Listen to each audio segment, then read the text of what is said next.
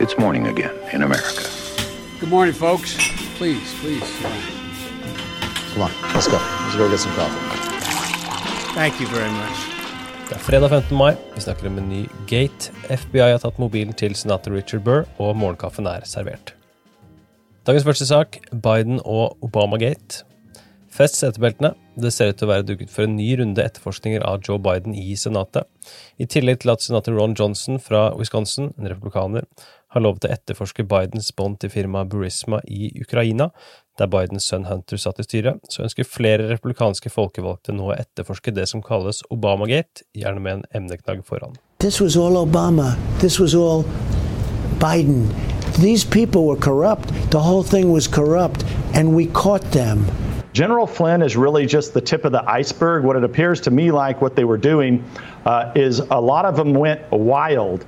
Uh, after Trump won. They got poisoned with this Russia Kort fortalt dreier det seg om at Biden, i likhet med et trettitalls andre i Barack Obamas administrasjon, ba om å få vite navnet til en uidentifisert amerikaner som var under overvåkning rundt årsskiftet 2016-2017, altså da Trump var på vei inn i Det hvite hus.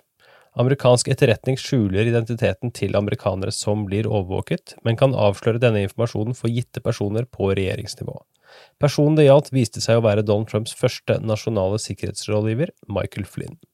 Listen over hvem som hadde bedt om å få navnet, ble først offentlig denne uken, og senator Lindsey Graham, republikaner fra South Carolina, har sagt at justiskomiteen, som han leder, kan komme til å starte etterforskning. Det samme sier senator Rand Paul, republikaner fra Kentucky, som leder underkomiteen for nasjonal sikkerhet. Trump har tvitret mye om saken de siste dagene, og vært tydelig på at han mener Graham må innkalle tidligere president Barack Obama til å vitne i saken. Det har Graham sagt ettertrykkelig nei til. Det kommer til å bli mye, mye mer om det her. En åpenbar sak som Trump-kampanjen håper å gjøre mest mulig ut av i 2020. This is an outrage. It's at least unethical, and we're going to get to the bottom of it. They had no business listening to anything General Flynn was saying about Trump policy.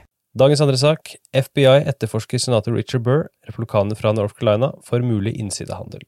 I midten av februar, like før aksjemarkedet kollapset, skal han ha gjennomført en rekke aksjesalg etter å ha vært til stede på konfidensielle brifinger om covid-19.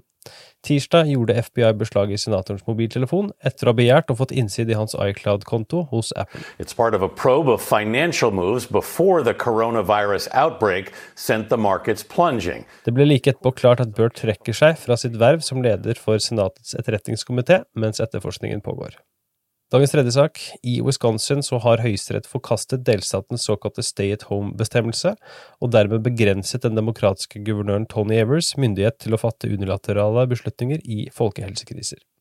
Dermed er alle begrensninger på næringsvirksomhet og forsamlinger opphevet med umiddelbar virkning, og guvernøren må jobbe sammen med den republikanskkontrollerte delstatsforsamlingen for å få på plass nye retningslinjer. Wisconsin's governor reacting overnight on MSNBC. There's nothing that's compelling people to do anything other than uh, having chaos here. And we're going to have more cases. We're going to have more deaths, and it's it's a sad it's a sad occasion for the state. I, I, I can't tell you how disappointed I am. Dagens fjerde og siste sak. Dystre koronatall. Bare 43% av amerikanere mener at Donald Trump gjør en god jobb i håndteringen av koronakrisen, ifølge en ny måling fra CBS News.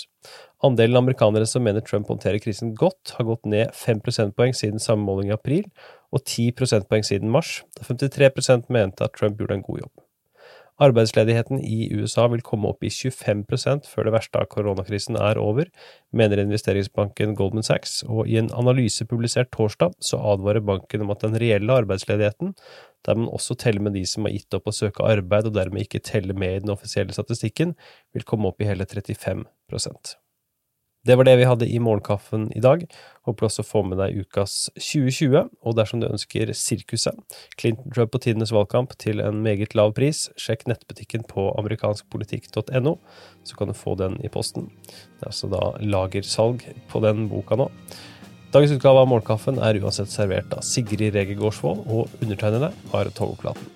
Dersom du også vil høre helgeutgaven av Morgenkaffen, i tillegg til å få diverse merch i posten, så tar du turen til patrion.com.